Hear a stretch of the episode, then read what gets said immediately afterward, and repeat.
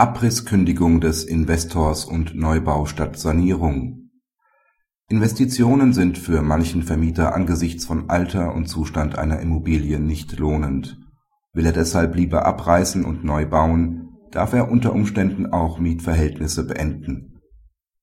Das 1914 errichtete Gebäude im BGH-Fall ist unstreitig sanierungsbedürftig. Jedoch werden die erforderlichen Kosten so hoch veranschlagt, dass sich nur Abriss und Neubau als wirtschaftlich sinnvoll darstellen.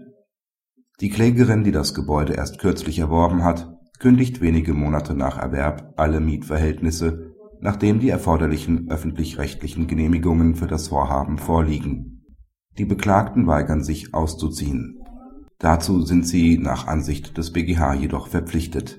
Die Kündigung ist wirksam weil sich der Vermieter auf § 573 Absatz 2 Nr. 3 BGB stützen kann.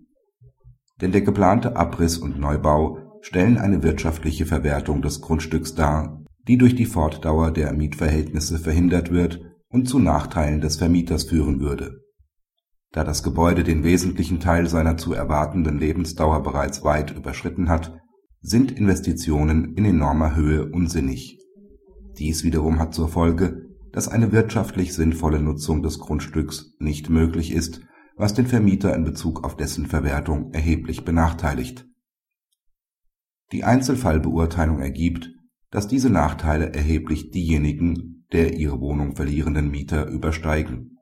Praxishinweis Die Entscheidung erfasst nur den bereits in der Rechtsprechung mehrfach entschiedenen Fall der Abrisskündigung in Verbindung mit einem Neubau auf dem Grundstück hier folgt der Senat der überwiegenden Auffassung, dass seit Jahren keine Investitionen durch die Voreigentümer erfolgten und dadurch der bestehende Sanierungszustand mit hervorgerufen worden ist, ändert an der Beurteilung nichts. Auch die eventuell später geplante Aufteilung des Neubaus in Wohnungseigentum ist unbeachtlich. Denn § 573 Absatz 2 Nr. 3 BGB geht davon aus dass das bestehende und nicht ein später zu errichtendes Gebäude von einer Aufteilung betroffen ist